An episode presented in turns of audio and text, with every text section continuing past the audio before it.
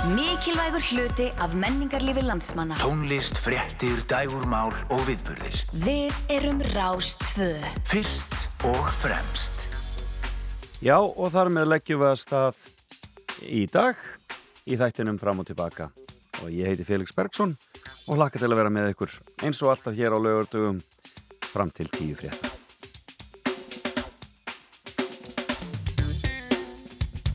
Og það var hreinlega sólríkt og dásamlegt að stíga út í morgun og leggja stað í vinnuna.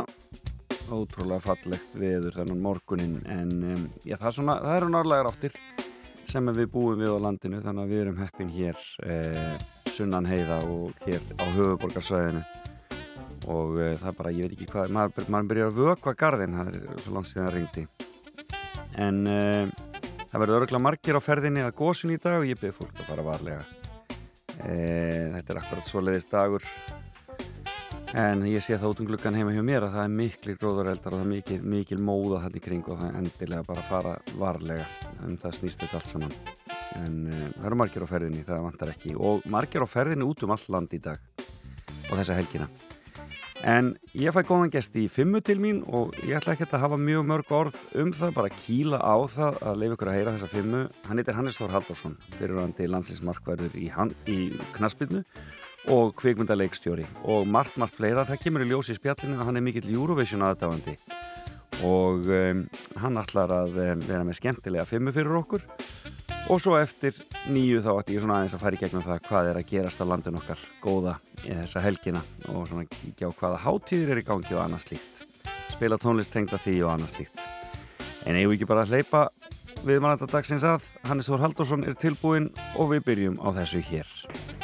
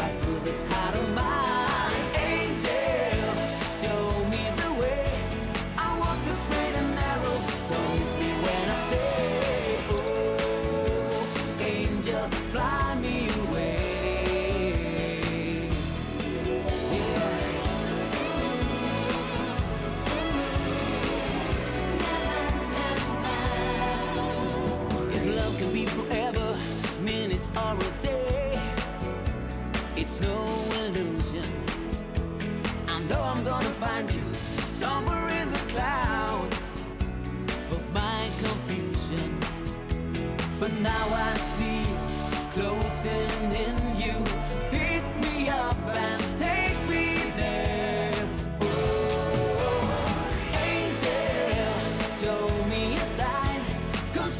Já, við erum að hlusta á Angel, framlag Íslands í Eurovision árið 2001 eh, og eh, já, þetta er val viðmannadamins sem situr hérna hjá mér, Hannes Þór Haldarsson, hjartanlega velkomin. Takk að kella fyrir. Sko, við bara skellum okkur beint í þetta af því að það er, þetta lag hljómar hérna já, já. undir. Þú ert, fimmann þín er svo fyrsta, ég hef aldrei fengið þessa áður. Nei Fimm vannmettnustu Eurovision framlög Íslands. Jep. Þetta er Þetta er það sem við ætlum að kóvera þetta, þetta er eitthvað sem þarf að ræða Og krifja. Og krifja alveg sko. Ég segi fyrst velkomin. Takk fyrir kærlega, gaman að koma. Ertu, ertu mikill Eurovision aðdáðandi sem þetta er að byrja með? Ég er það sko. Mm, Það er svona, ég hef kannski nördin í mér, það er aðeins gringa á honum eftir því sem að ég eldist og egnast fleiri börn og, og fór að vera upptegnara af, af hlutum sko, en, en þegar ég var yngri var ég alveg á bólakafi í þessu og, og, hérna, og var, var þú veist, alveg inn í því hvaða lönd fengur hversu mörg stig einhver ára aftur í tíman og var alveg svona svolítið djúpur Eurovision nörd og hérna Svo ég er mjög, mjög ánægð með það hvað Eurovision hefur verið að koma tilbaka á, á síðustu árum sem eitthvað, eitthvað cool. Var, það var svolítið heitt í, í, í, svolítið langan tíma að tala Eurovision niður Akkurat. en nú finnst mér að vera að koma comeback og nú er eiginlega orðið astnarlegt að finnast Eurovision ekki skemmtilegt Nákvæmlega, það er svolítið þannig. En það, sko, ég hef tekið eftir því að þetta er svolítið í íþróttunum hvað þá? að, menn hafa áhuga á Eurovision. Þar eru menn afskaplega heitir og ég, það eru nokkri markmenn. Ok, Gunnleifur, já, hann Gunnleifur er alveg brjálaður. Sko, hann er. Eurovision maður Hann er mikill Eurovision maður. Er þetta, er þetta svona markmannssport? Þú veist, það er, það er kannski eitthvað sem þarf að rannsaka sko, en þetta er náttúrulega bara, eins og ég segi, það er nú bara eiginlega hálfgerið stælar að, finnast þetta ekki skemmtilegt. Já, þetta er nákvæmlega. bara þannig einhvern veginn. Svo kveikir þetta í keppniskapin í okkur líka og við erum náttúrulega, erum haldin þessari Eurovision bölvun við Íslandingar sem þjóð sem náttúrulega hérna, fullkomnaðist í þessu, þessu uh, COVID uh, hérna, sem að við, þeim er náttúrulega bara eins og einhverju ítleskri væri bíómynd sko, við hefum, vorum langt sem var að vinna þetta og þá gerist þetta sko. Já, já. En þú veist, uh, já, ég, ég hef gaman á þessu, ég horfa allavega á þetta og ég hlusta á lögin og svona und undakeppninar okkar að, en að, hérna, þegar, svona, þegar að þetta er alltaf að fara í gang og, og hef, hef gaman að. Já, frábært. Þetta, en það, af hverju er þetta lag? Af hverju segir Angels og svona Já, sko, vannmetið? Já, þú veist, ég, mér langaði svona að taka þetta, sagt, þennan vannmetnalist, þú veist, ekki bara taka bestu lögin, Nei, nei, það, er, það er einhvern veginn svo, það er svona augljóst svolítið, eða svona, það er ekkit, skemmtilega að fara á dýftina í þessu Nei, mitt. og svona kom inn á smekk og svona. Og, og þarna, já, þetta er kannski bara svona smekksatrið, þú veist, ég meina, uh, Angel, uh, náttúrulega, uh, reyði ekki feitum, já, emmitt, það er það sem ég ætla að koma inn að reyði ekki feitum hesti frá keppninni 2001, ekki satt? Í, í köpen. já, sem að eina báraðan alltaf náði að snúa skemmtilega upp á þegar hann sagði að það var ekki margi sem að færi með þrjústig frá parken sem var, var hérna gott, gott teikja á nú mjög gott. en hérna, sko ég ég hef alltaf verið svolítið svag fyrir þessu lægi og þó, það hefur náttúrulega ekki flóið mjög hátt lendir hann í síðasta sæti. Mm uh, byrjaði keppnina ef maður rétt og einhvern veginn náði ekki í gegn. Ég Nei. held að þetta lag hafi sko uh, einhvern veginn orðið einhvers konar yfir pródúseringu að bráð á öllum sviðum. Uh, það er, ég er miklu hrifnar af sko Byrtu, lagi, lagi sem að vann hérna undan keppnina Já, og það er svona einhvern veginn einhver svona afslöpuð svona skítamórals útgáfa af þessu lagi þú veist með saxafón og, og bara svona það sound svolítið skímó hljóð, eh, soundið svo var þetta komið í einhvern svakarlegan popgalla þegar Já. að við, þegar að, hérna, við mættum í, á stóra sviðið og, og, og búningarnir og stíliseringin og allt á atriðinu fylgdu með uh, og varð held ég einhvern veginn fór aðeins svo langt þannig að þetta varð einhvern veginn svona já, þetta fór yfir einhverja svona línu sko, varð svolítið kannski astnalegt svona cheesy svolítið, kannski svolítið. smá, þú veist, það var allt í þessu músikvídeóið og, og, og framsetningin á, á öllu, en veist lægið og melodían, og þarna aftur komið að smekks atrið, þú veist, ég er alveg svolítið svag fyrir svona svona þægilegum singalong svona einhverjum slögurum með einhverjum svona, svona huggulegum húkum bara og, og þetta, það er eitt annað svoleiðis lag á þessum lista. Þetta er náttúrulega nálgast svolítið sko Fly on the Wings of Love sem hafið það unnið og, hana, og komið þeim hann á parken sko, Já, svolítið sko, það er, einmitt, það er bara svona lag sem höfðar vel til mín til dæmis. Akkurat. og hérna, hann að ég, ég mér finnst bara mér finnst bara hérna, svona smá svona, hvað segir maður satisfying, er gott íslenskt orð að fá, að fá aðeins að lifta hérna, Angel og Byrtu upp að því það er einhvern veginn það er ekki, það er ekki, það er ekki fengið mikið umtal svona í okkar Eurovision sögu Já, ég skil þig. Já, það er, já, frábært, skemmtilegt. En þarna, það verður verið spenntur að heyra hvað er næst. En svona aðeins að þér sjálfum fyrst. Já. Eh, Þú ert reykjökingur, eða ekki? Jú, ég, jú, jú, ég hérna fluttir enda til Svíþjóðar þegar ég var svona þryggjára, Ah, þryggjandi ok. sex ára Já, já, já. og þannig að við, þar, þaðan er mína fyrstu minningar Og talar sænsku? Sko já, ég er alveg ágættur í sænsku eða svona þannig, ég er búin að búa núna á nokkurum, í öllum þessum hérna, Skandinavíu löndum Já. og var talaði reybrennandi sænsku þegar ég var yngri en svo, svo þegar ég flutti til Danmarkur og Noregs uh, þá einhvern veginn nýtti ég sænskuna og svissaði yfir í dönsku og norsku og, og var ekki alveg nógu sterkur í sænskuna því ég glemdi henni síðan, svo flutti ég aftur 16 ára skil. Þannig núna get ég redda mér í öllum þessum tungumálum en einhvern veginn er ekkert frábæri neinu sko. Nei, Þannig að næsta land sem ég flyti er enga stund að ná því tungumáli skilur en sænskan er svona grunnurinn. Af hverju, af hverju svíþjóð? Um, við fluttum þarna að því að pappi var í námi, Já. hann var að læra matvæla verkfræði þannig að við fluttum Já. í Lund til, á, já, í Lund, sem er þarna var svona smá Íslendinga nýlenda á þessum tíma Já. Þannig að þar voru bara, áttu við bara mjög, mjög góð ár. Já, og, og, og þú góðar minningar, svona fyrstu minningar. Já, alveg frábærar. Ég hérna, egnaðist mjög góða vini þarna, senska og, og íslenska og, og vini sem að ég held ennþá sambandi við í dag Já, og, ja, eitt sérstaklega. Og, hérna, og, og þú veist það var mikill fóreldra mín eignust líka marga vini þarna. Það er svona hópur sem að, sem að hittist alltaf reglulega Já, og svona já. margir að þeirra bestu vinum sem þau kynntust að núti þannig að þetta eru bara þetta voru mjög góða tímar En hvaðan eru þið úr, úr Reykjavík? Hvar, var- hvar hvar bjúku bjófjölskyldan í Reykjavík? ég er breiðhildingu svona eh, þú veist fyrst og fremst Já. en við fluttum á flyðrugrandan í, í Vesturbænu þegar við komum heim frá Svíþjóð og Já, já. þar plantaðist káir bakterja í, í mér og ég Ok. byrjaði að æfa í káir þegar ég var 6 ára Já. 6-7 ára þannig til að við fluttum síðan í breiðoltið en, en cirka fyrsta árið mitt þá, þá hérna, neytti ég fóreldra mínu til að keira mig á æfingar úr breiðoltinu upp í Vesturbæ að því ég, ég vildi ekki að heyra á það minnst að hætta Að fara í er eða Nei, fara í leikni. Ég var- bjó í leikni, liðinu á Einmitt, sko. En svo skiptu við nú á endanum og ég, ég fegst til þess að samþykja það og, og, og síðan var þarna í leikni í 13 ár þannig að það er svona mitt lið sko. Akkurat, átti dásanlega tíma þar gerir ráð fyrir Já, algjörlega, en, var, en káir-bakterían hún lifði í mér og ég var rosa káiringur alveg framan af og, og, og alveg upp eftir bara úlingsárunum og Já. mætti, þú veist, hérna, alveg stríðsmálaður í framan á þennan hérna, fræga leik, hérna 96 upp á Skaga Já, sem að tapaðist reyndar nákvæmlega og, hérna, og var með svona mikinn káering í mér þannig að það var, það var mjög svona, það var ótrúlega nú kem ég aftur með orðið satisfying. Við verðum, Já. verðum að fi- finna Já. íslenska orðið fyrir það. Já, já. en ég ætla að segja að þegar Ekki ég fullnægindi, heldur kannski eitthvað aðeins já, þegar mér tókst síðan að komast aftur í KR hérna, þegar ég var hann 27 Það ára. stór dagur þegar það gerðist. Já, svona fannst mér ég loka einhverju ring og það var svona, það, var alltaf liðið sem ég held mig og, og, og svona þar voru mín átrúna góð þegar ég var yngri og, og, ég einhvern veginn, þar fannst mér ég vera bara búin að eiginlega áorka nóg sem fótballtamaður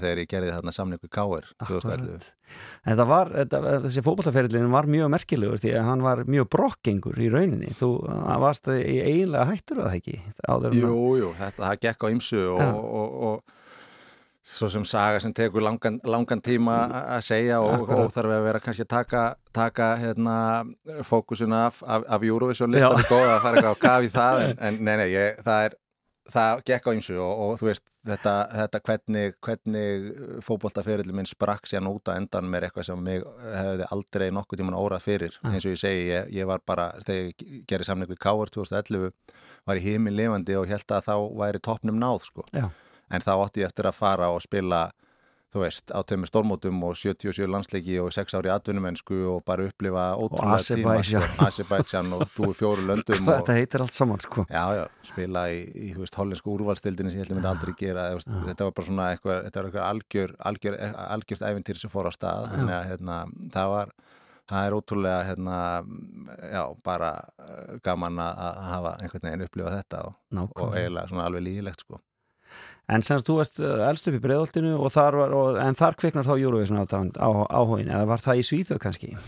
Ég man fyrst eftir mér á fleirugrandanum þegar að hérna, kringum 91 það var einhver forkeppni þar sem að, sem að þegar að Nína fór áfram þá, ég held ekki með Nínu sko, það var lagarna sem endaði þriðasæti sem, að, sem var, minnum ég að hefa þetta lengi lifi lífi, getur það verið? Það getur alveg verið.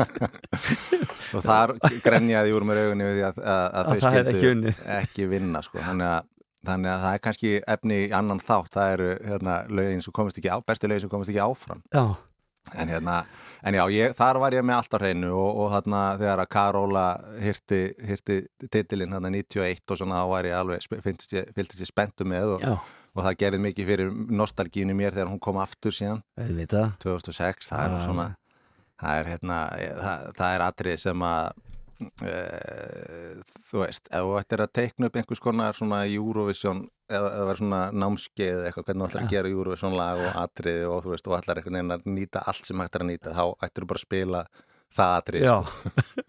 Með- frá 2006 eða 90, Já, fóngat, fóngat af einn 2006, stormið já, já, já, það er náttúrulega algjör klassík sko. Já.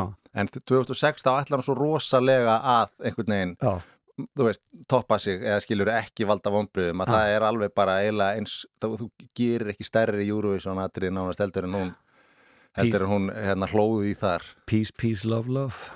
Atriðið e, stóra. Já, það er náttúrulega stórkostlegt sko, það er nú bara, bara með þeim betri Akkurat, ekki en það er svona, það er einmitt svona það hugmyndin á bakvið það var að, að, að, að það væri Akkurat. Eurovision atriði eina sanna. Já, já, nákvæmlega. Þar maður í. Mjög skemmtilegt. En hvert er næsta þarna, uh, vannmetna íslenska Eurovision? Já, sko, núna komum við líka inn á þetta orð vannmetið, sko, mm -hmm. að, því að, að því að ég ætla bara að lega mér það að setjast í dómarasætið en í þessu þætti e, e, hvað er vannmetið og hvað ekki, bara, sko. Þú, þú ræður, sko. Já, takk fyrir það. Vegna hvað var næst sem næst sem er sem þú finnst vera vannmetið? E, næsta lag, það er Nei eða Já. Já.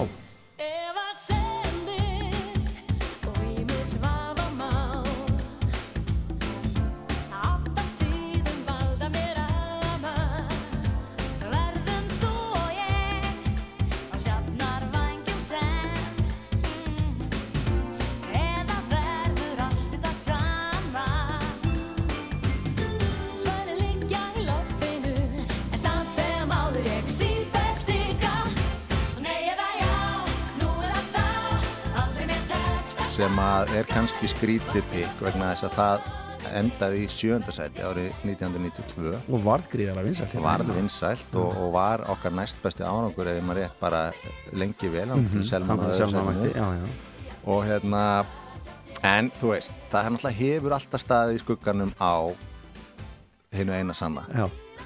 eitt lag enn. Og, og fyrir viki kannski ekki þú veist, náð sama flugi eða verið alltaf svona litli bróður eða litla sýstir eða hvað sem við segjum og, og hérna þannig að að því leiti kannski vannmetið að því það fær ekki sama kredit og, og eitt lag enn. Þetta er svaka poplag og hérna átti þannig lagað alveg skil. Eða þú veist, hefði, þú veist það er mörg af þessum lögum sem ég held einhvern veginn að, að frá öðrum löndum, þú veist eh, ég, á öðru tungumáli hefði kannski geta flóið aðeins herra en mm. þetta var náttúrulega, veist, frábæra árangur og svona. En það er aðalega þetta, þessi skuggi af, af eitt lag enn sem að sem að hérna, er ástæði verið því að neyja því á ratar á listan. Eh, og svo bara það að ég varði að koma Sigur Bendins að því Já. ég var náttúrulega svakalegur Sigur Bendins maður á, á sínum tíma og er enn sko. Já, það er það, er það margir, það vantar ekki.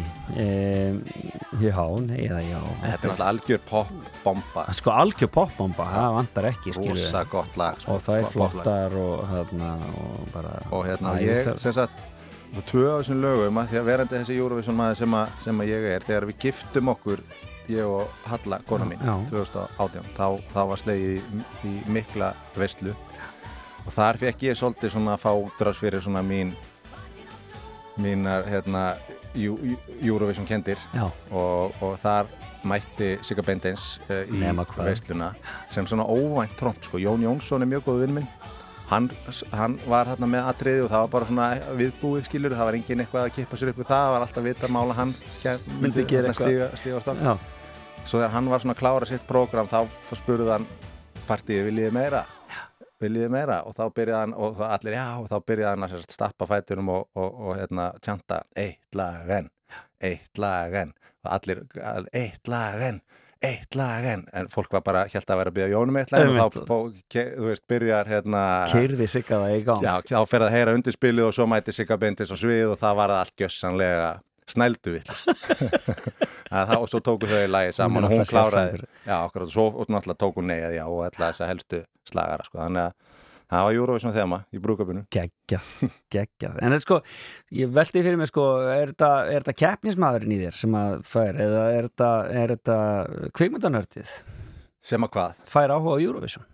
Mm, ætla þetta sé ekki einhver, einhver blanda af þessu, veist, þetta er náttúrulega kveikir í manni svakalega keppniskap, stigagjöfin er í rauninni skemmtilegstu hlutin af þessu og hérna og, svo, og þetta einhvern veginn Ísland að ná árangri, þú veist, það er líka eitthvað í okkur held ég, sko, að vera Ísland á stóra sviðinu, þú veist, og vera einhvern veginn hérna standa jafnfætti þessum þjóðum sem að vissu alltaf á þessum tíma við værum til, sko. Alltaf gaman að sjá bara einhverja útlendingar tala um Ísland.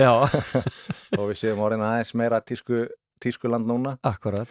Um, og svo möguleg eitthvað, eitthvað með þetta sjó líka, það er örglega sko. Varstu fann að pæla í kvikmyndatöku og hérna snemma og svo leiðis svona hvernig mm. þetta virkaði allt saman ljósum og öðru slíku Ég veit ekki hvort það hefur verið ómeðvitað þarna en sko þetta varði ekki til áhugin minn svona kveiknaði almennilega á þessu svona kringum 11-12 ára og, en við erum að tala um mig þarna 6-7 ára að, hára á Karólu þannig að það er nokkur ára fyrir Já. en 11-12 ára gerði ég mína fyrstu stuttmynd okay. í fellaskóla með, með fjölugunum þar sem Já. við ákvaðum bara sem hópar að gera mynd og ég einhvern veginn tók kameruna og, og svona fór svona það hafði einhvern svona náttúrulegan farveg þar sem ég byrjaði að stýra öllu og, og, hérna, og þeir leku og ég bara fann mig í þessu og við gerum aðra og svo gerum við aðra og ég einhvern veginn fór að finna leiði til þess að, að þróa þessa, svona, þessa leið til að klippa þegar við vorum með bara mjög van, vanþróa tæknið hana, við vorum bara með kameru og, og vorum, tengdum hana við videotæki og svo bara ítti ég á play á kamerunu og rekk á videotækinu og Já. þannig klipti ég þetta dótt saman til Akkurat. að byrja með sko.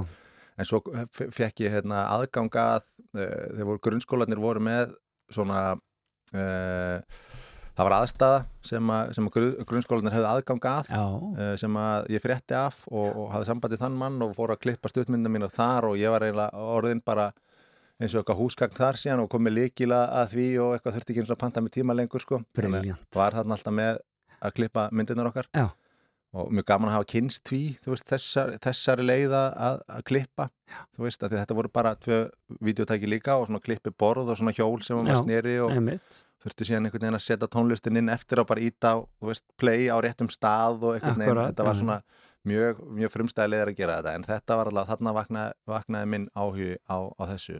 Briljant, og var það komið aldrei annað til greina en að þetta er því þinn starfsferill Jújú, jú, það, það var ekkert ákveði sko. þetta, var, þetta held áfram að þróast í, í Vestló. Já, þú ferði í Vestló. Hvar, hvar, hvar varst í Gagfræðaskóla? Í Fellaskóla. Í Fellaskóla, já, já, alveg, þú bara klára Fellaskóla já, það, En var það einhver hópur þá sem fór í Vestló eða var það bara eitthvað sem ákveði sem þú tókst bara sjálf? Já, það var eiginlega þannig. Ég, ég fann það að mér langaði í Vestló. Flesti mm -hmm. vinni mínu fóru í, í FB Eða, og hérna, en svo var eitt, eitt sem kom með mig líka svona, bestu vinni minn svona, síðan, síðan við hann endaði að, endaði að koma í Vestló líka en við fórum tveir.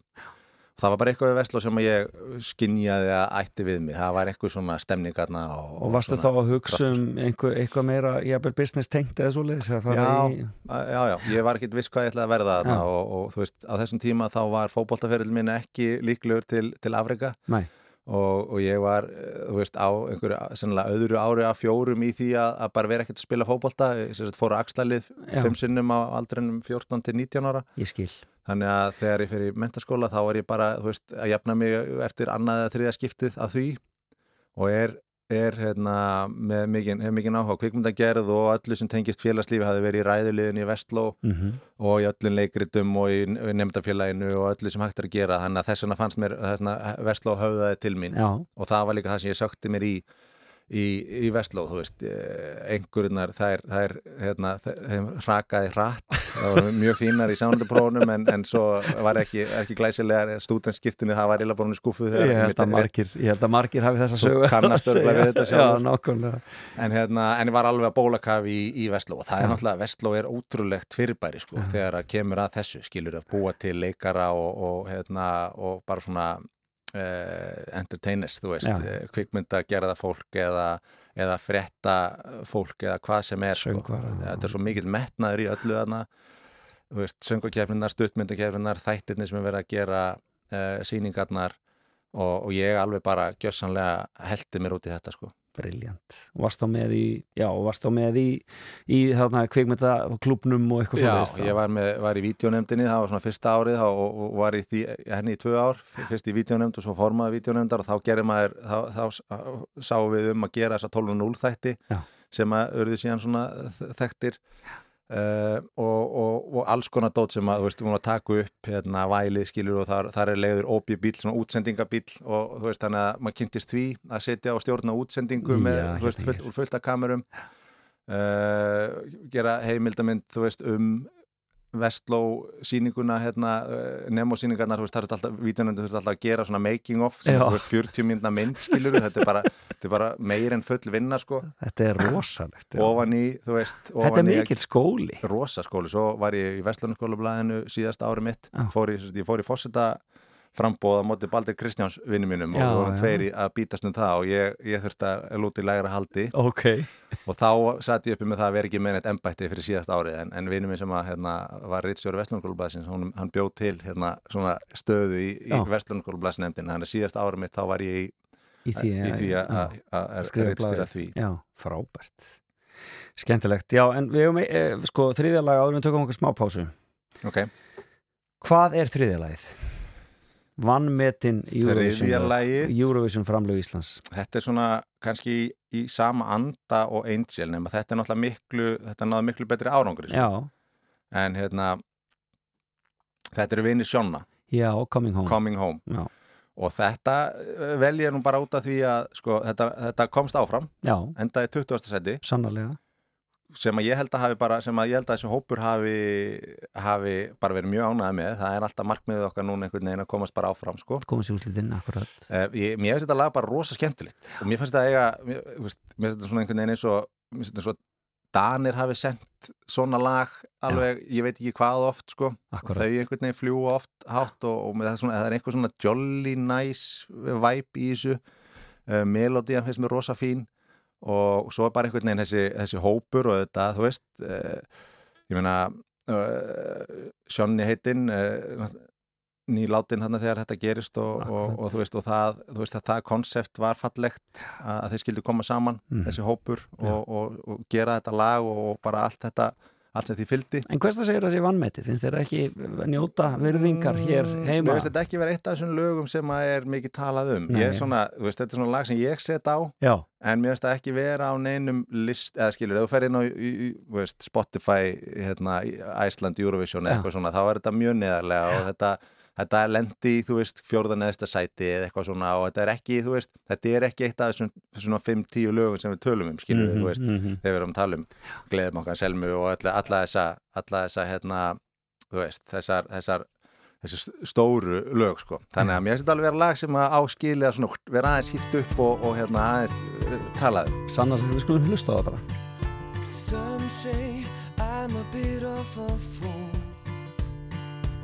Sitting on a hill and counting raindrops. Keep thinking I just wanna go to the peaceful place I know that I come home. But oh, oh, oh, it's time to go.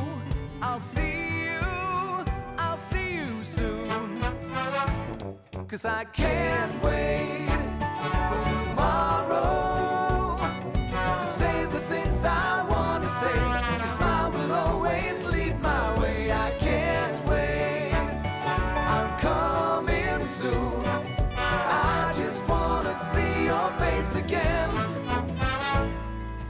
Some say I'm a bit of a fool. Driving down the road I stop to listen. I hear your laughter in the trees. Your whisper in the breeze My love is you. But oh, oh, oh,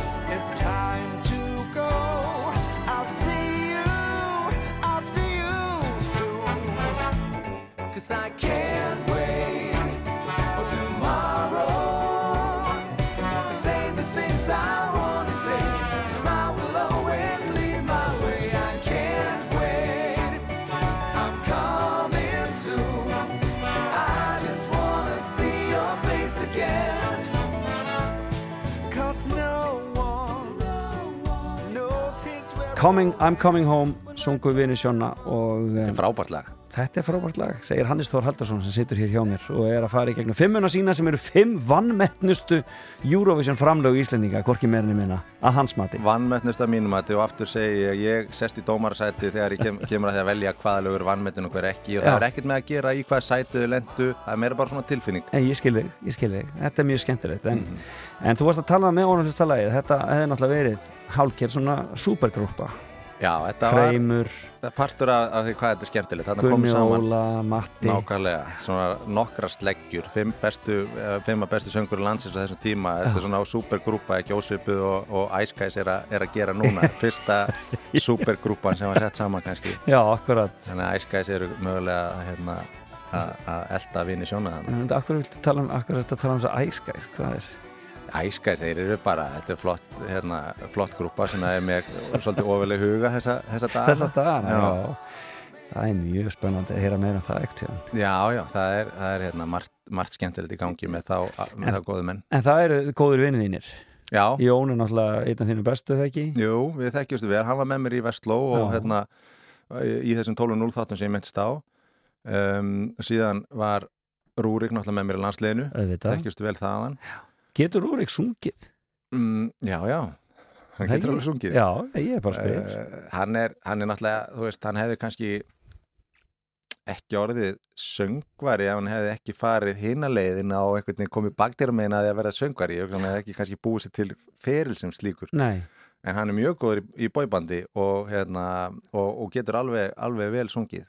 Hann er með Áhugavert. hérna, gaf út hérna lag Older, maður stætti því? Alveg rétt Jú, jú, sem að hann vil Já. meina sé alltaf númer sko, ef, að, ef þú ert að horfa top 20 lista einhver staðar, þá vil hann meina að það sé sennilega númer 21, eða top 50 lista var sennilega 51, það er alltaf næst, næst inn sko. Það er næst inn, já. En hérna, og svo, svo er ég nú bara að kynnast hérna, Aroni Kahn og, og Herran Hetusmjör gegnum þetta. Já.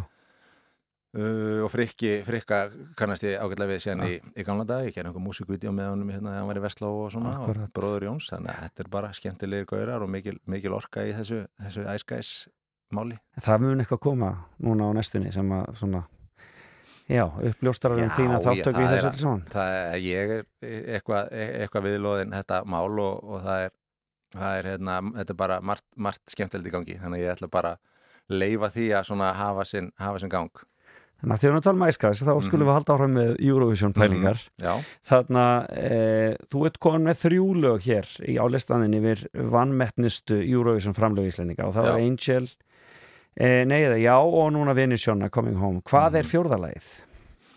Fjóruðalagið og það er náttúrulega er, það þarf ekkert að, að einhvern veginn útskýra það af hverju, af hverju það er, þykir vannmetið. Það er náttúrulega bara frábært lag sem að, sem að engan veginn uh, fekk sko þá virðingu sem það áttu skilið. Já, Þetta er Valentine's Lost með Já, Eika Hugs. já, já. Ég Sem að les í lenti- lóa þínum Já, lendi í 13. sæti í undakefninni.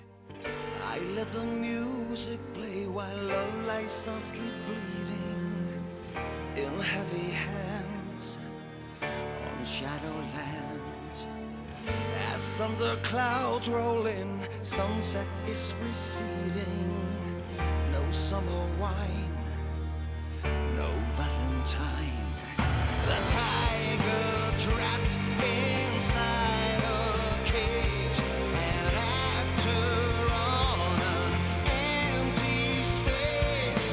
Come see the show.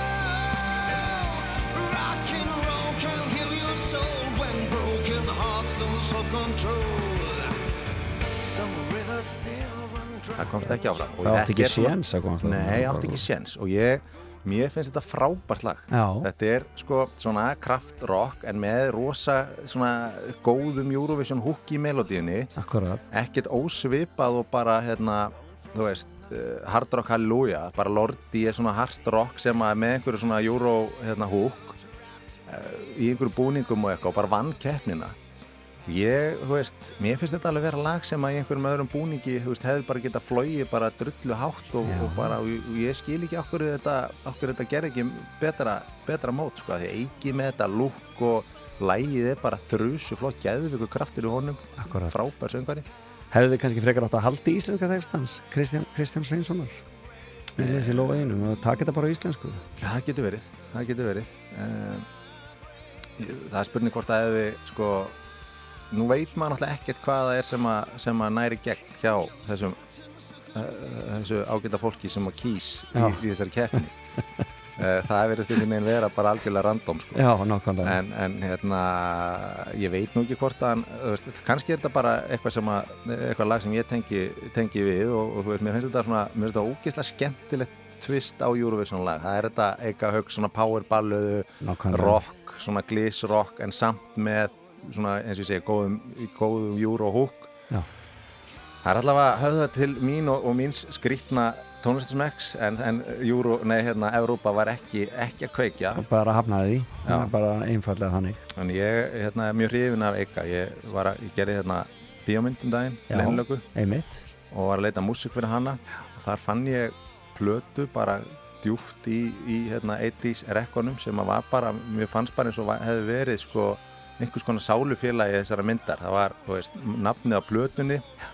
Hefði geta verið nafnið á myndinni. Hún heiti Skoti Myrkri sem Já, hefði bara alveg einmitt. smelt passað við ég hefði geta skýrt myndina það. Já. svo voru bara svona hvert lagið að fætur öðru þú veist, eða var eitthvað lag sem að hét þú veist, eitthvað, kannski eitthvað sem myndi á, þú veist, eldningaleik fór að hlusta á það, þá gæti ég bara smelt í undir eldningaleikin í byrjun myndarinn og svo Það var eitthvað annað sem að hétt í hlekkjum eða eitthvað, ég bara, ok, hvað ætli það sé? Það var bara eitthvað sem smelt passaði við eitthvað sem að ykkur á fangelsi sen Já, þetta var bara ég var bara að hlusta á þetta bara, hvað er í gangi? Það er eins og þetta hafi, það er eins og hann hafi samið þessa plötu fyrir þessa bíómynd, ég endaði á að nota einhver þrjú lög úr, úr af plötunni í myndinni. Já. og hérna og ég hugsaði fyrst að það hefði verið að þú hefði fundið drísil að drísil hafi verið eitthvað til þess að hana, plötu. Þungaroks, nei, Þungaroksbandið hans sem Já, að já. kemur aðeins fyrr sko. Nei, þetta er svona mýgra, þetta er svona glísrock Þetta er Gleisrock tímum, já, og hann, hann og sóluplata hjá hann ekki? Frábæð blada Skot í myrkri, ég þarf að tjekka að gera það. Heyrðu, þetta er skemmtilegt, en sko um, kvikmyndagerðin, þú í rauninni um, ert komin aftur á staði fótboltan hann upp á tvítu eða ekki, bara eftir útskrift veslu eða hvað? Jú, ég er svona, ég, ég fer í aðgerð þarna og læt laga mér öxlina tvítugur, þannig að ég gat byrjað aftur í fótbolta uh, upp á það að gera 21 ás og þá var ég nú svona eiginlega búin að gefast upp á þessu. Já. og hérna, En varst það á konin í háskólanum með svoleiðis? nei, þá var ég á, í svona millibilsástandi, vissi ekki alveg hvað ég ætlaði að gera og þar kem ég inn á þetta og þú spurði hvort ég ætlaði alltaf að vera kvikmyndagerðar maður en ég Já. ætlaði, ég held öllu opnuð, þú veist eh, hagfræði eða viðskiptafræði eitthvað svona eftir vest og kom alveg vel til greina sko. Og það var ekkit endilega, þú veist, kvikmyndagerðin þetta var bara eitthvað sem að gerðist sko, óvart. Og, og fótboltin eiginlega líka veist, á þessum tíma þá var ég hættur í fótbolta en, en svona fann einhvern veginn í eitthvað inn í mér sem að pyrraði var, var svona það var einhver ólga, einhver pyrringsólga yfir því að hafa hent fótboltaferlinum eiginlega, þú veist, í, í ruslið og Já. hafa ekki gefið honum, þú veist allt sem ég átti, að því mér fa- fannst ég svona hafa eitthvað í þetta uh, þannig að ég ákvað að taka svona, að gefa þessu einn sjensi viðbútt og, og, og fara þá bara all in eins og maður segir mm -hmm. og, hérna, og, og, og þannig að ég bara fór í það að setja mig í stand og, og koma mér bara byrja að klífa upp stigan hafði samband við þjálfara þannig í afturheldingu í annar deildinni og, og hérna, ko- kom mér úr leikni að því ég var ekki að fara að spila þar. Og, og, þar, þar hófst þetta sko. uh, og, og á sama tíma þá var ég þá, ég byrjaði að vinna í sagafilm í svona, sem svona sömastarfsmæður Já. eftir Vestló meðan ég var ákveð hvað ég ætlaði að fara að gera. Og, og í kjölfarið á því þá ekkert í kjölfarið heldur þá hérna, ég og félagi minn sambandi við Einar Bárðarsson og, og eftir að hafa gert nokkuð músikvídeó í Vestló og svona Ah. þá var hann að setja saman allar þessar ofurgrúpur Nælon og, og, og eða voru ekki einhverju fleiri. Jó, og, strákagrúpan hann í og ég hérna gerði, við gerðum músikvídeó fyrir Nælon sem hann var rosánað með og svo gerðum við annað og, og Einar er náttúrulega bróðir hans hérna um, Adda Fannas. Adda fann að sér skítamoral, þannig að þeir höfðu verið af þessu og, báðum þeim að gera og ég gerði vídeo, tvö vídeo fyrir skítamoral þá fór svona kvissast út að ég geti gert ódýra hluti en, en látið að lukka vel og svona. FM 957 ringdi báðum við um að gera auðlýsingu í framhaldinu og þá var ég eiginlega bara orðið svona lítið einsmanns framlýslu fyrirtæki og hætti fljótlega í, í sagafilm og fór Ok, að bara gera, ge- gera þetta og það hefur, hefur ekki stoppað fyrir utan þessi sex ár sem ég spilaði og þetta hefur rauninni bara verið en fórstu eitthvað að læra þér í millitíðin eða náður þér einhverja gráður eða eitthvað? Nei, að ég fór í kvikmynda, kvikmyndafræði í háskólanum í eina önn. Já, En, en það var nú bara svona aðeins til þess að opna á mér hausinn og horfa á einhverja svartkvita myndir sem ég hefði ekki annars annars hort á, Horft á. Já. en Jacques Tati og eitthvað eitthvað, eitthvað, eitthvað, eitthvað eitthvað svona Já. dót sko Uh, en annars þá, þá var þetta bara eitthvað neina, mamma var aldrei neitt sérstaklega hress með mig og vildi senda mig í háskólanám alveg fram eftir öllu sko, en þá vonast eftir því að ég fari í eitthvað, eitthvað, eitthvað, eitthvað alvöru vinnu Já, finnir mér eitthvað alveg inn einhvern tímann en þetta bara hefur ekki, þetta er bara bolti sem hefur ekki stoppað og hefur Já. bara gengið vel og þetta er eitthvað sem ég finn mig vel í og, og hérna svo náttúrulega einhvern veginn varðið til þessi svona mjög einstaka þetta kombinasjón af því að vera atvinnum maður í fótbolta og kvikmyndagermaður sem Já. er náttúrulega varð svona svolítið mitt identity og þú veist, í öllum viðtölum sem ég fyrir í og alltaf, þá var ég alltaf kvikmyndagermaðurinn sem Já. að spilar í, í markinu í, hjá Íslandi það var svona svolítið svona þekkt, þekkt stærð sko þegar Já, að landsliði var upp á sitt það var tannlagnirinn og kvipmyndagerðamaðurinn Já. nákvæmlega, sem er alveg bara mjög skemmtilegt sko Já. um, sem að eitthvað Þetta var náttúrulega, þú náttúrulega sko, ert, ert ekki eitt af hryggjast ekki í þessum ótrúlega liði sem nær þessum ótrúlega árangri Ég meina, er þetta ekki bara þetta er, þetta er eitthvað ævintýri sem að valla endur tökur sig eða hvað Ég er hansi hættur um að það hefur mjög erfitt að endur taka þetta. Þetta var, við náðum saman einhverjum koktel þarna, þetta lið. Hva, hver var líkillina þessu? Var það, var það varnavina? Var það, var það þarna, hvað er það sem gerir þetta lið svona Ég myndi segja að það er erfitt að setja putan á það nákvæmlega. Það er- eru svo mörg svona element sem að koma saman þarna. Um, það er svona augljós og svarið er kannski þessi leikmanna, þessi kjarni af leikmennu sem kom upp 88, 9 og 90 Já. árgangurinn sem voru þarna nokkri leikmenn sem, sem gerði það verkum að við vorum með 5, 6, 7 leikmenn að spila á mjög háu leveli að meðan við höfum kannski alltaf verið með 1-2 hérna áður fyrr akkurat Uh, og svo, uh, þú veist, þú þarft 11 leikmenn til þess að búa til fótboltalið og með 6-7 þarna á háu leveli og svo voru kannski aðrir á, minn, á lægra leveli eins og ég og kannski margir í varnalínu og svona en Já. við vorum einhvern veginn með eitthvað sem komum með að borðinu sem að nýttist liðinu og, og hérna Kári, þú veist, fótboltaheilin hans var algjört að líki latri í þessu hvernig hann náði að, að Já. gera rakka að betri leikmanni Einmitt. svo var ég einhvern veginn uh, bara hendaði þeim mjög vel hérna fyrir aftan og þeir henduðu mér vel um, og, og svo þannig að þessi leikmannhópur það var einhver, einhver sérstök blanda þar. Síðan verður náttúrulega fá við hinn- hinn bara fullkomna þjálfara að- þegar að þessi hópur er einhvern veginn að- að byrja að mótast sem er Lars Lagerbakk Já. heimir með honum sem einhvern veginn sigur þetta allt inn og líka fullkomið mótaði á móti Lars.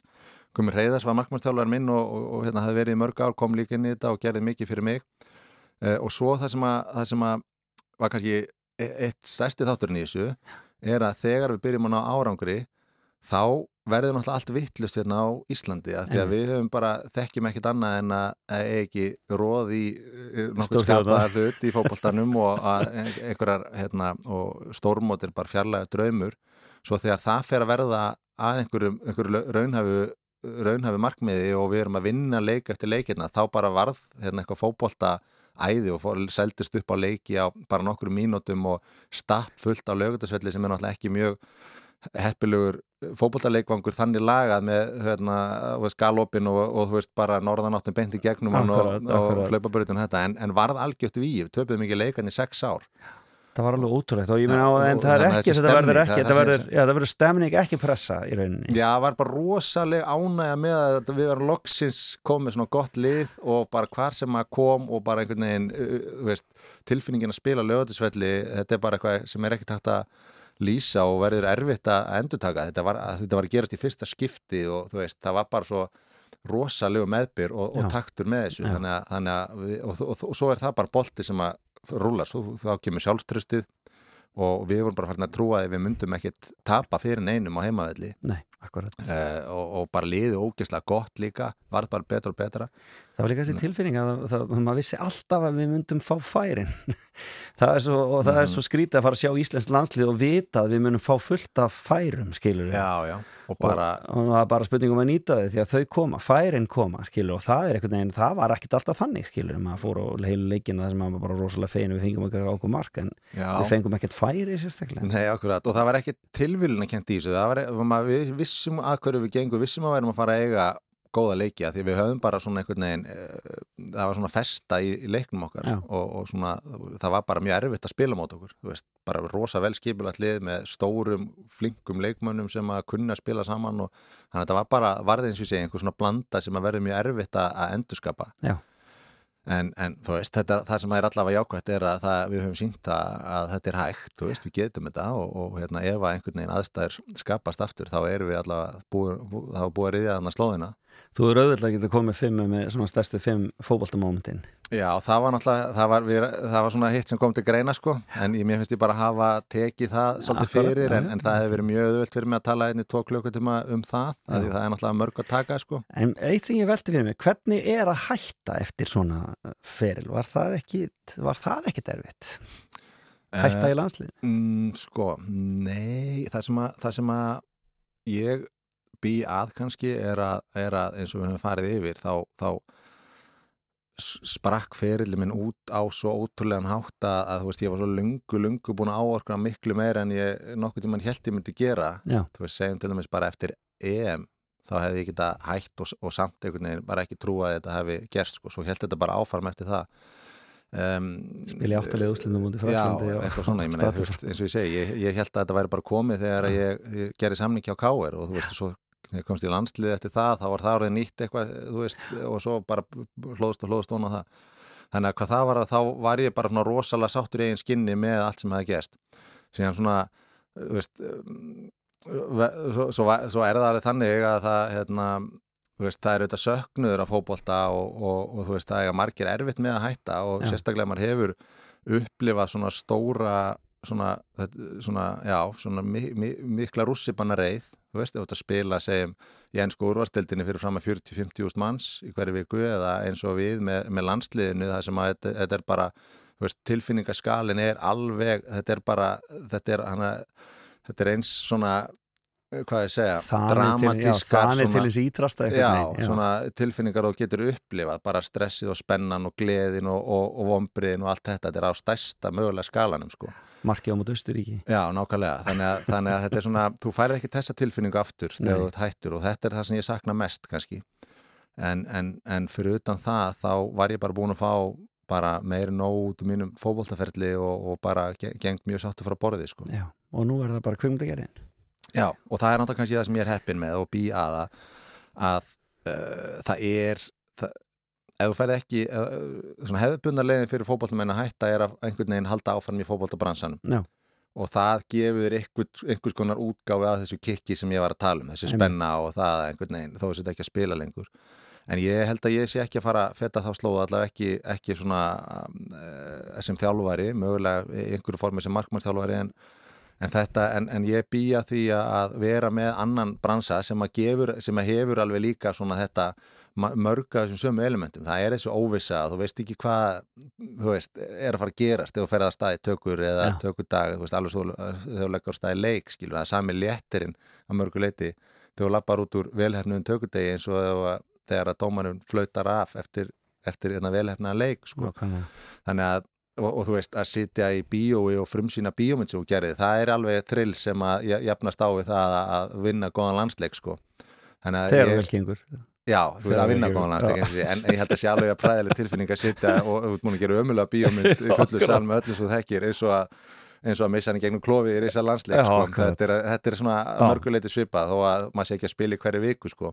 þannig að þetta er náttúrulega eitthvað sem ég ástriði fyrir og, og, og, hérna, og þú veist, er ótrúlega heppin að geta farið í eitthvað sem að teku við sem að Fyrst, Fyrsta myndiðin, hún bara fekk alþjóðlegan success, sko, leinlöka Já. Þarna er eitthvað meira að koma frá þér í bíó Já, það er meira Já. og, og ég er að, al- alveg að bólakafi að þróa, þróa næstu mynd. Um, það eru nokkrar, nokkrar hugmyndir svo sem í gangi og, og margt sem fór á stað eftir að leinlökan gekk vel. En, en hérna ég er svona með mesta fókusin á, á mynd sem ég er að þróa núna sem er, er svona svona hasar, hasar grínmynd sem að, sem að gerist í, í, í kaupmannhöfna mestuleiti Steindi Junior leikur aðalhutverkið en, en þetta, er, þetta er svona aðeins samt í arbundari mynd heldur en leinilökan var eða tölvert Ok, og hérna hún er, er fótboltatengingar í þessu hún er á, hún er á svona stórum skala á Skandinavíu mælikvarða þannig að ég, ég vona að hún verði að veruleika sem allar fyrst að hún er mjög spennandi. Skemmtilegt, get ekki beðið. Mm Tíminn algjörlega fókin frá okkur auðvitað þegar við erum að tala um kvikmyndi fótbolta og Eurovision því að við hefum eitt lag eftir. Já. Fymta vannmettnasta Fymta lagið af þessum vannmettnu Mhm. íslensku Eurovision Hvað er það? Þetta lag fyrir mér er eiginlega bara geitin á þessum lista Já. bara það, þú veist, það vannmettnasta sko og, og hérna þetta er lagið núna með Björgun Haldursinni og þú veist ástæð fyrir ég segja að þetta sé það vannmettnasta það er náttúrulega bara þetta lag átti bara að vinna keppnina sko ég, ég er sko, ítalir eru svona það er mitt fólk í, í Eurovision Já. og uh, það er eiginlega útrúlegt ef þú, ferða á hérna, uh, Spotify og, og finnir einhvern playlista með ítalsku Eurovision lögum hversu mikið af frábærum lögum hafa komið frá þeim Já.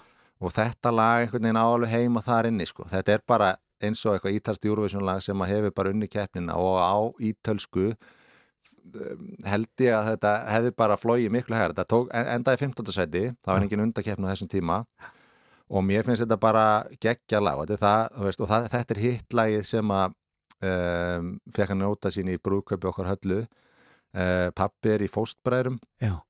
og, og hérna það var þannig að fóstbræður voru þetta var líka þeim tíma við vorum að leiðin á HM og voru allir, allir ægilega til að vera með og, og hérna, hjálpa til og svona þegar vorum, vorum að gifta okkur. Hann að fóstbræður mættu þarna allir, ég veit ég, þeir eru mann ekki hvort, millir 50 og 100 eða eitthvað í brúköpið okkar, útsettu þetta lag.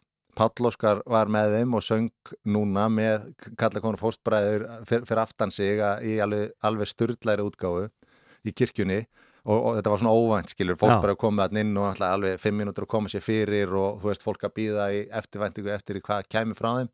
Og svo kom þetta lag, þá voru þeir búin að það var Páll Óskar og, og hérna uh, kórin búin að eyða þarna fullta tíma í að útsetja lagið og æfa það og koma svo og syngja það í brúköpunni og þetta var svona lag sem að við sem að við hjónin hérna, sem okkur þykir mjög væntum út af þessu meðal annars og bara því að þetta er, þú veist, þetta er vannmettnast júruvísunlegið okkar og þetta er alveg frábært lag. Palli, sko, fyrir nefnum hann Já. þú veist, þarna komum við að þessu smekks, smekks eða svona hvar, hvar ég dreg línuna varandi hvað Já, já, ekki, náttúrulega, hérna uh, minn hensti dans, þú veist, enda í 20. sæti um, og náði einhver flugi þannig lagað í, í Eurovision keppninni en hann er náttúrulega búin að ná að tvistaði þannig að hann hefði breytt Eurovision nákvæmlega, lagi já, og já. þetta einhvern veginn er alveg hátt skrifað hérna í okkar íslensku Eurovision sögu Já. þannig að það til dæmis er lag sem endar ekki á listanu þó að við endað fyrir neðan núna á, á, í stóra keppninni sko.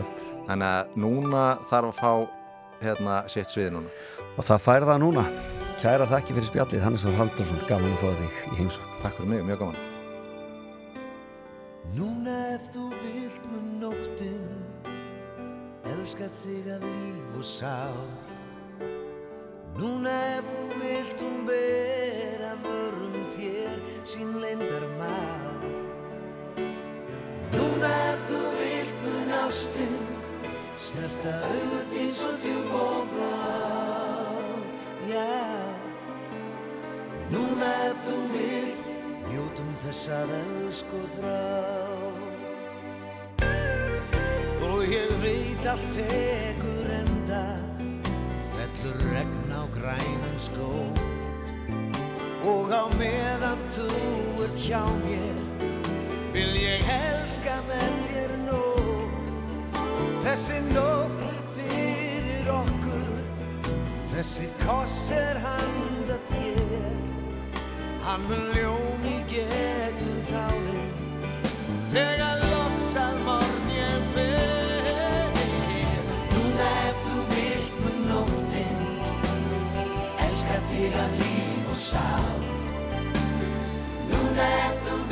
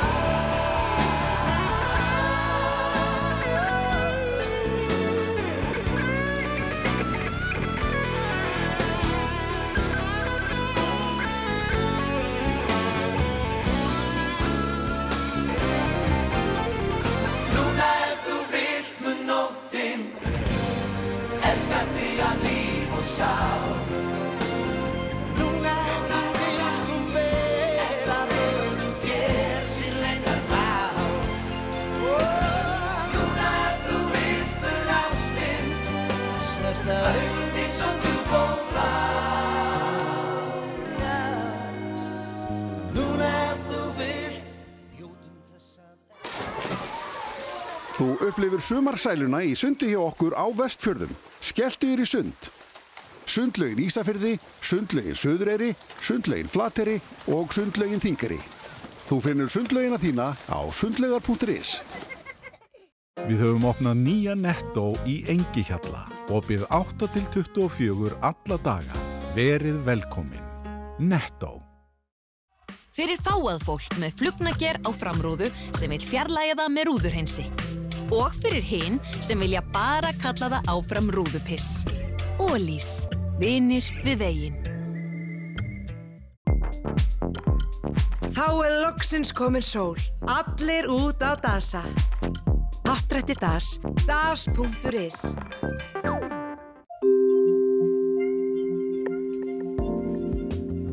Karitró, Karitró fyrir ævintir í sumarsins sportís. Túnfiskur á grillið, kólaportið. Smáréttir í veslunam, brauð og kó.is.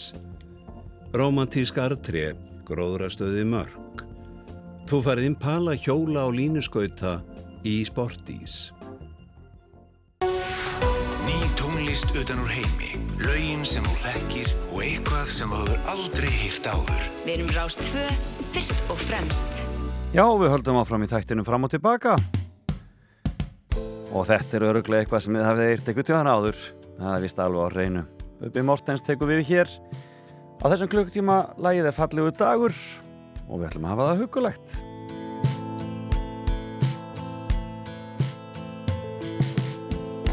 Veit ekki hvað vakti mig. Vill liggja um stund. Tógar í mig tær byrtan Lýsir mína lund. Þessi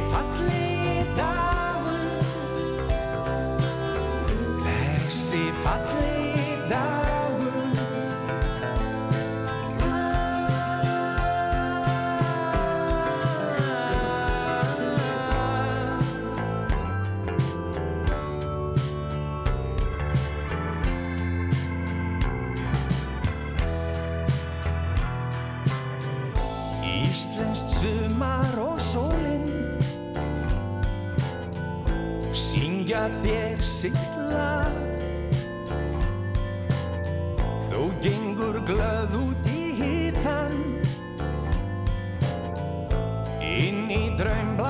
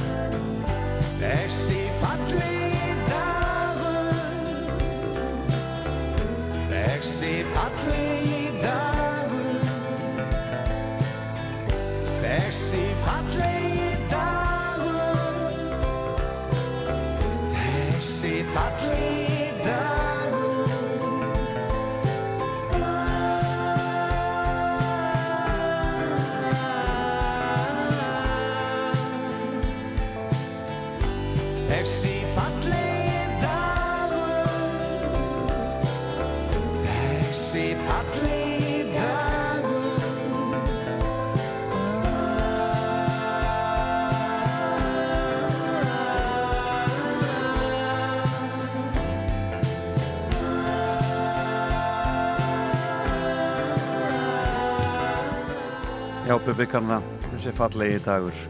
Mér langaði núna næstu þremur lögum að minnast e, e, fólks sem hefur nýlega fallið frá og hafði mikil áhrif já, á svona tónlistarsennuna almennt. Og ég ætla fyrst að minnast Gísla Þós Guðmundssonar eða sem að kallaði Gis von Ice e, sem að e, dó langt fyrir aldur fram eh, nú nýlega eh, 62 ára gamall. Eh, og eh, var giftur önnu Hildi Hildibrandsdóttur kvímdagerða konu og fagstjóra skapandi greina við Háskólan Bifuröst en þau hjónin komu mjög víða við í íslensku tónlistarlífi sem umbótsmenn og uh, já, markas fólk fyrir, uh, fyrir tónlistafólk og uh, voru gríðarlega vinsæl meðal ungs tónlistafólks á Íslandi og við kynntumst honum hér á Rúf honum Gísla því að hann var til dæmis umbótsmaður Hatara og hann var umbótsmaður Leiló, Lóvísu Sigrunadóttur og e, tónlistamenn úr þessum ímsum hljómsveitum komið fram og myndust gísla í mjög fallegri útför í gamla bíói en e, já eins og ég segi mikill harmdöfiði dó langt fyrir aldur fram 62 ára gamal hann gísli, Gis von Eis og hans var fallega minnst og það er gríðarlega falleg minningasíðum hann gisvoneis.is e, fyrir þá sem að e, vilja lesa um gísla, æfi ágripið hans og fallegar minningar frá fjölda fólks, bæði hérlendis og erlendis þau hjónu byggur náttúrulega lengi í London og unnu þaðan og e, áttu mikinn þátt í velgengni margar hljómsveita. En e, einn þeirra hljómsveita sem að Gís vann e, með alla tíð er Vög og hér er lag sem að þau e, sungu uh, svo fallega í Jæraðfjörnars gísla. Eitt er allra fyrsta lag, Ég býð þín heitir það. Og um, þau tóku svona, svona strípað útgáða því, var óskaplega fallegt og hér eru vög. Lesu sér minning Gísla Tós Guðmurssonar, Gís von Æs.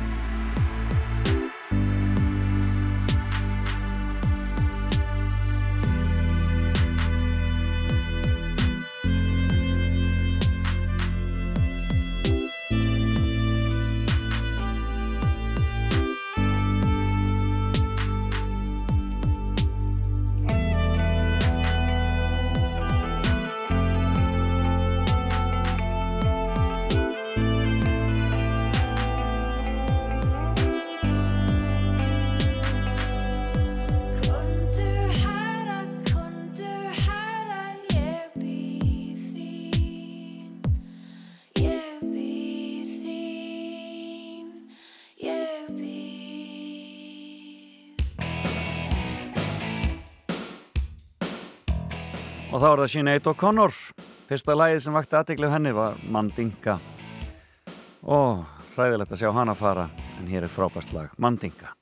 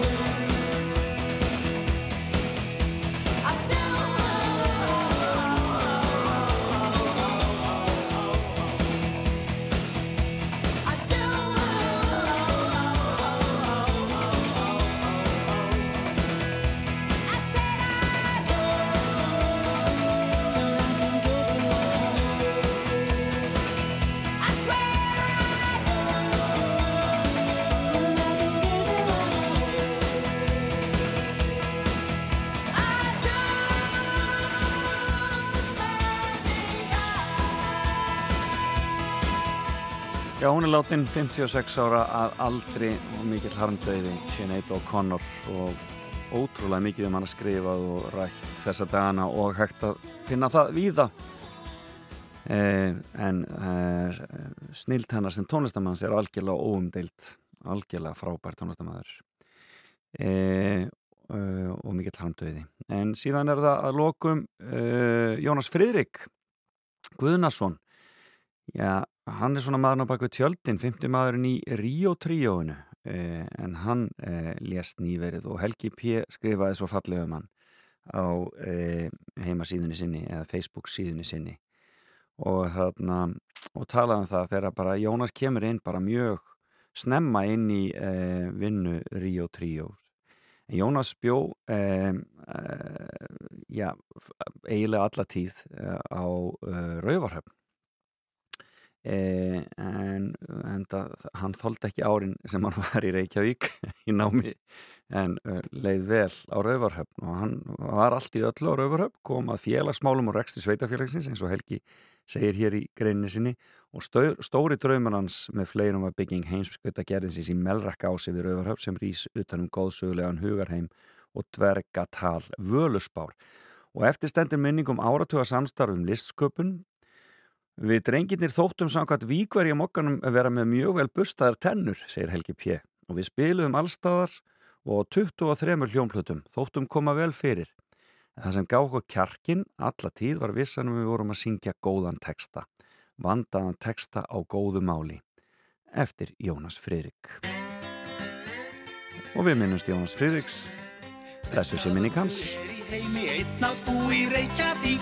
Útrast upp á Kristerberg í guld og hugsum pólitík. Vanta félagskap og finnast fólki lítað niður á þig. Elda sjálfur vitað verslingsböndin er að gefa sig.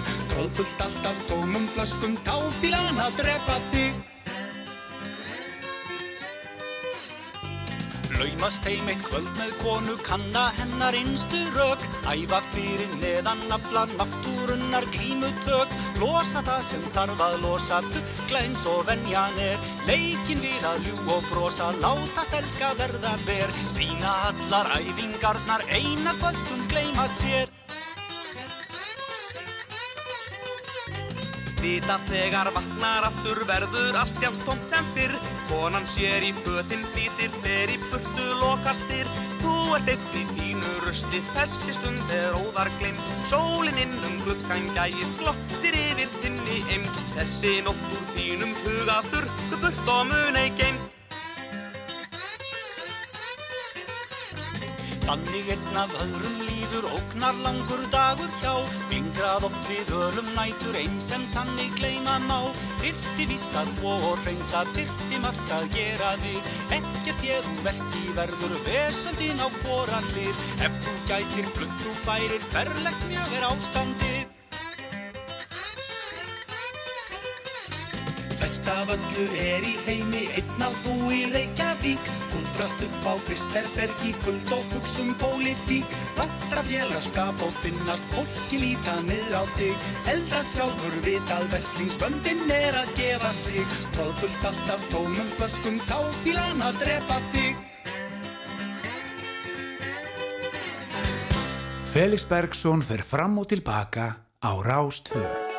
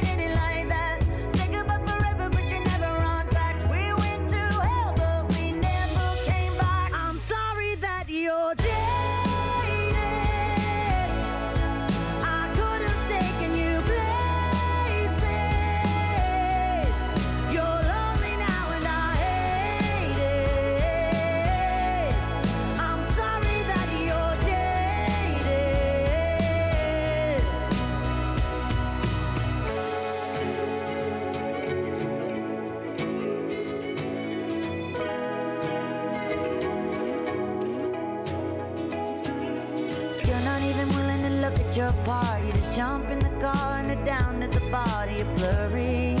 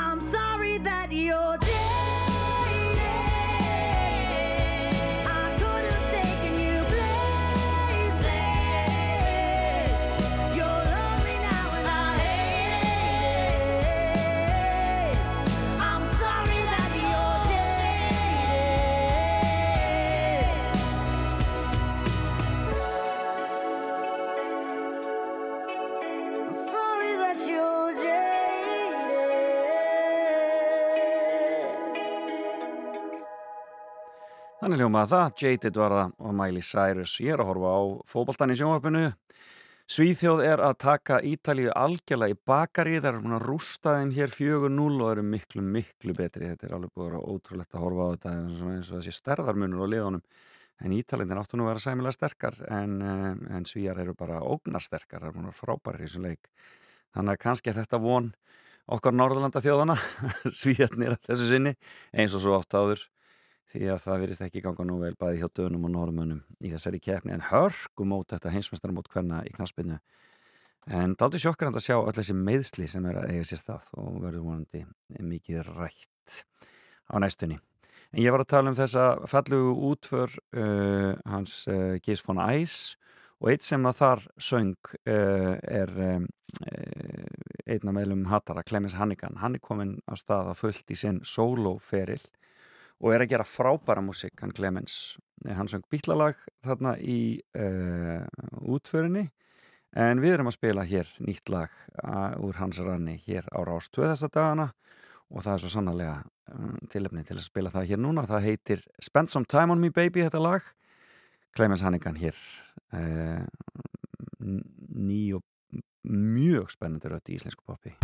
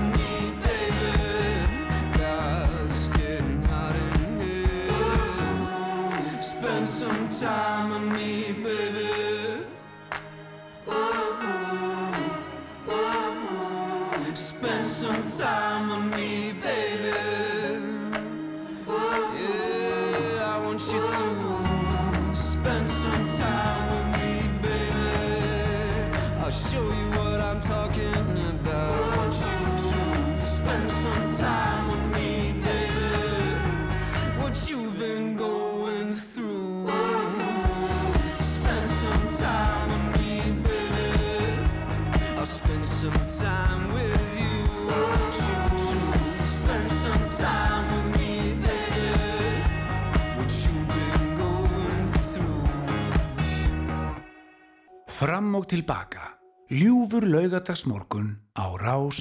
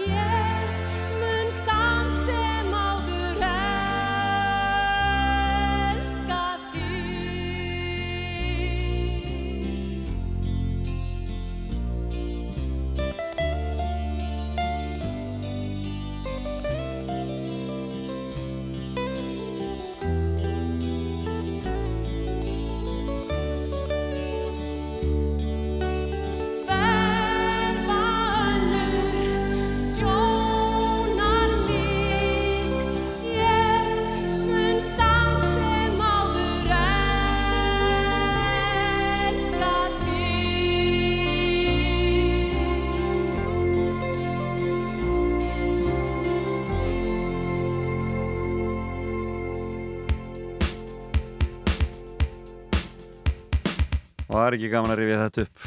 Þetta heiður hún Backmann þarna og um, önnur sjónarmið. Frábær.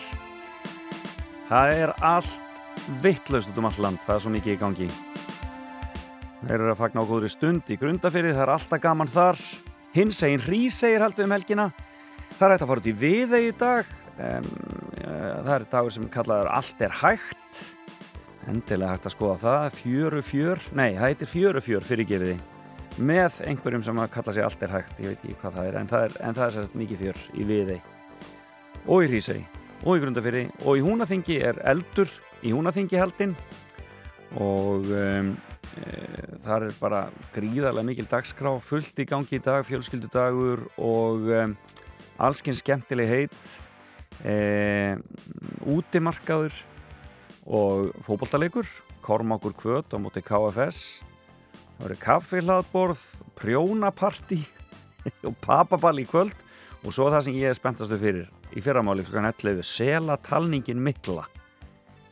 Það er aldrei spennandi. Og þarna þá er sem sagt að ganga með frá strandlinginni þarna og leita að selum. Og svæðum verður útlutað við mætingu. Þá sem sagt að telja seli. Þetta er bara mjög skemmtilegt. Sniðugt. Sniðugt að gera eitthvað svona skemmtilegt. Svo eru trilludagar á Siglufyrði og ég var svolítið spenntur að sjá hvað trilludagar væri þetta bara, það er bara það er bara verið að setja trilludagana núna klukkan tíu. Og svo er frítt í sjóstöng siglingar út á fjörðin fagra. Og síðan las ég hérna, ég er að vísu farin að aðeins að ekki að sjá alveg nógu vel því að ég hugsaði afinn grillaður. Mér fannst þetta alltaf langt gengið en það var náttúrulega aflinn sem er grillaður. Eh, og pilsur líka og táp og fjör á hátíðarsvæðinu. Þetta er í allan dag, hoppukastalar og tónlist og mikið stuð og mikið stuð í sig fyrir því.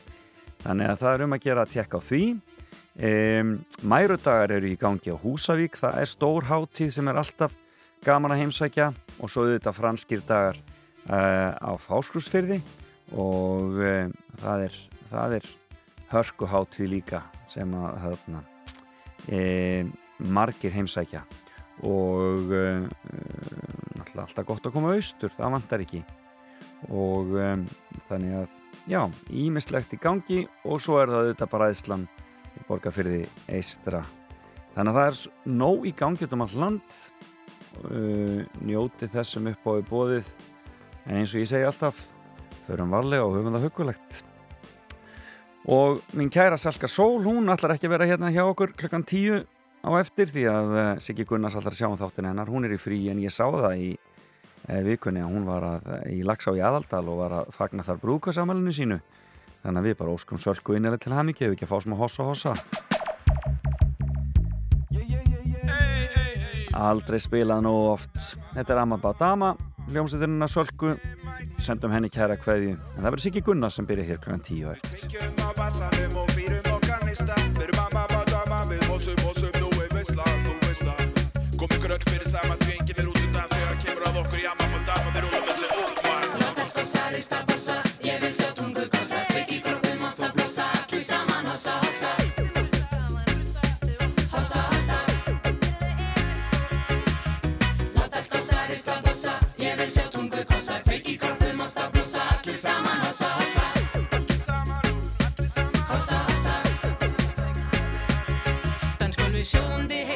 fólki laðrandi sveitt Við dansum óáreitt og hugsum ekki um neitt nema hvort annað.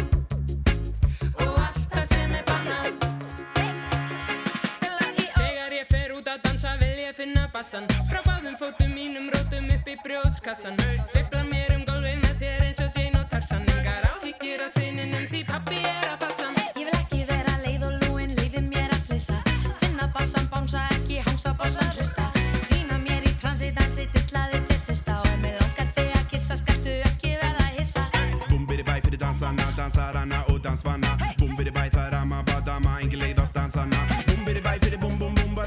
bum, bara bassi við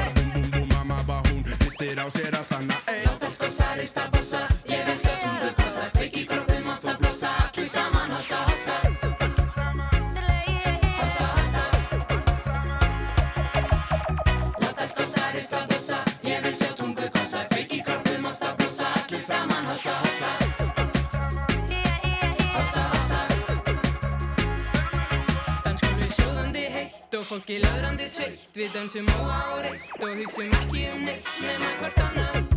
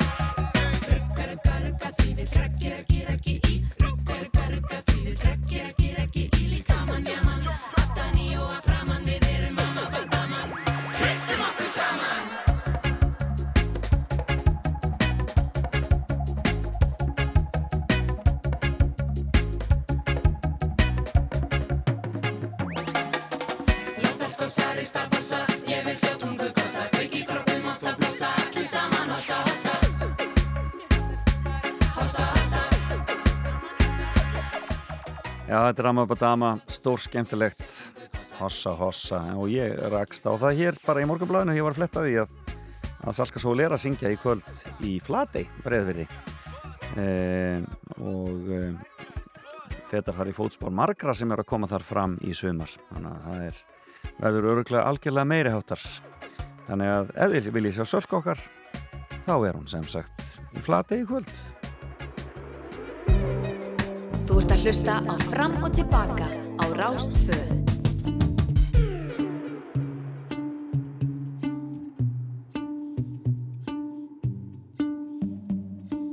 I know it's a bad idea, but how can I help myself? Been inside for most this year, and I thought a few drinks they might help. It's been a while, my dear, dealing with the cards life dealt. I'm still holding back these tears. Well, my friends are somewhere else. I pictured this year a little bit different when it hit February. A step in the bar, it hit me so hard. Oh, how can it be this heavy? Every song reminds me you're gone, and I feel the lump form in my throat. Cause I'm here alone, just dancing with my eyes closed.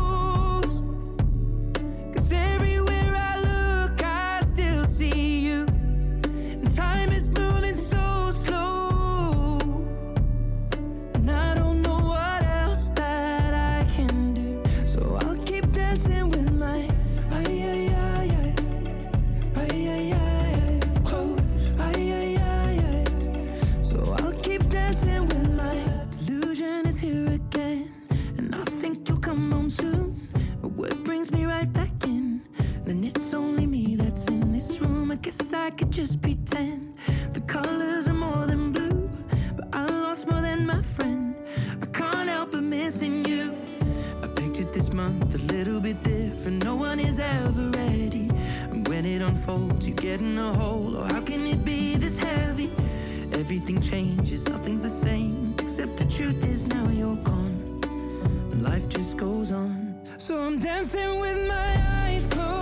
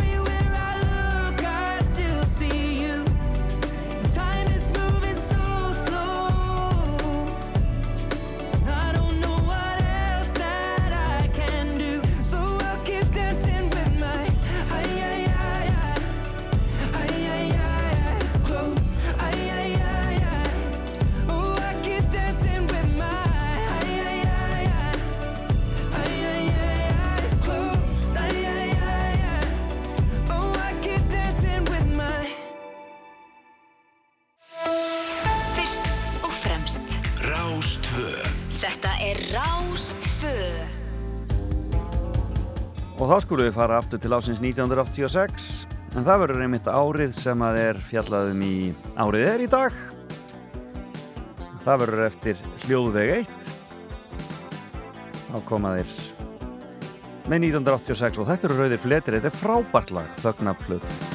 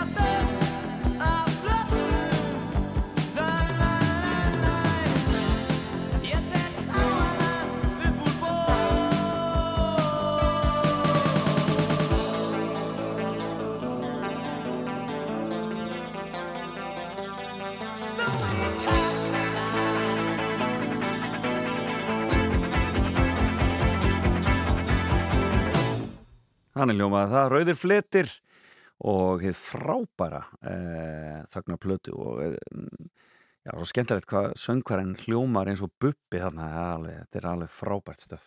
Gaman að því, góðir menn í þessu bandi, það vantaði ekki. Og það verða margir góðir líka á bræðslinni og ég vissum að þau á hljóðveginum, ég held mér að þau ætla að vera eh, fyrir austan hljóðvegi eitt í dag e, og e, taka púlsinn svona í aðdraganda tónleikana stóru sem verða síðan í kvöld og verða sendir að sjálfsögðu beint út hér hjá okkur á Rás 2 byrjar klukkan 19.23 ja, bara svo það sé alveg á hreinu. Og e,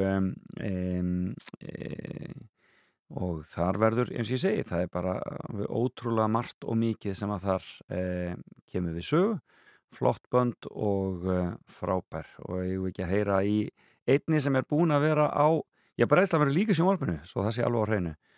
E, þannig að e, já, það verður líka í beitni í sjónvarpinu. En e, þið fáið kannski betra samt með því að hlusta líka á róstu í leiðinni. En hér er einn þeirra sem er búin að vera að fara um landið og undibúa sig er ég sannfærurum fyrir bræðsluna Þetta er unna torfa og ég bara, fólk er svo hrifið að það heldur ekki vatni, mér skust á Facebook hjá mér. Hér er þið frábæra lag í löngum máli. Þetta er, er uppáðslæði mitt með unnu torfa. Hvenær fórstu síðast í hláturskast?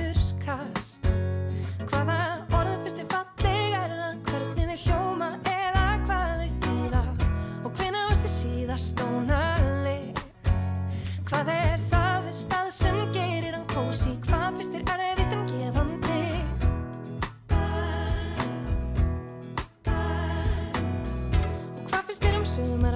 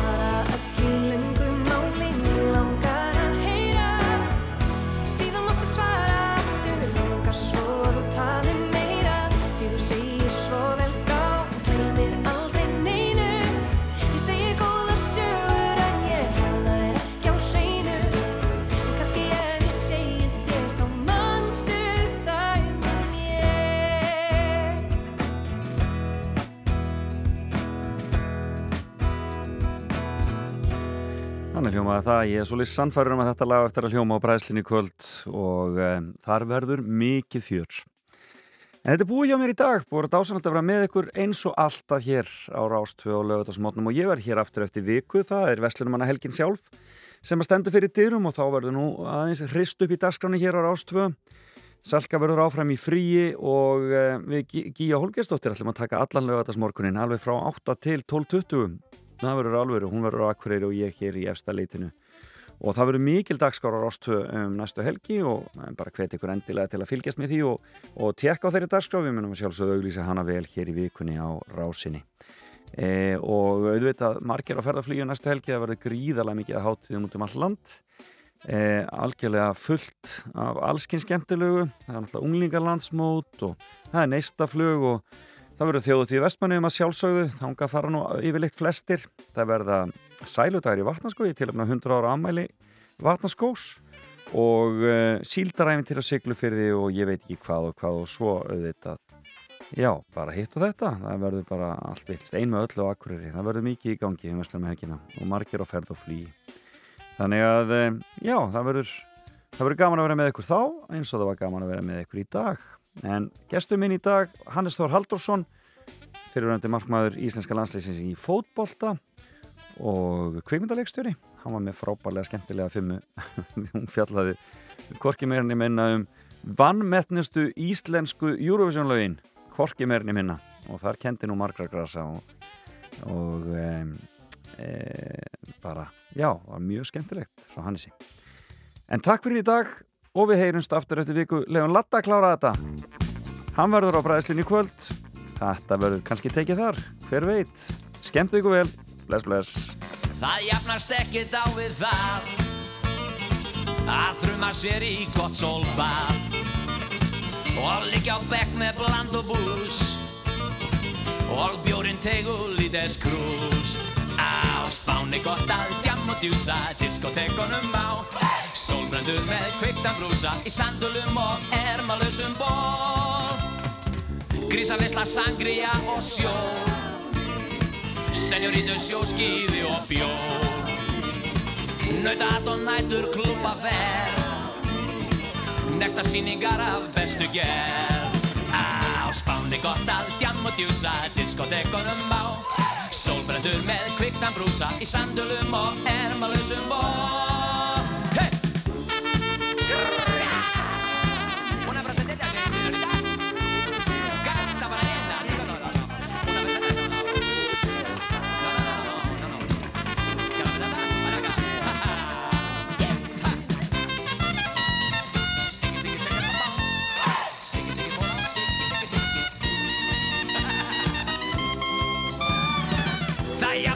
ekkert á við það.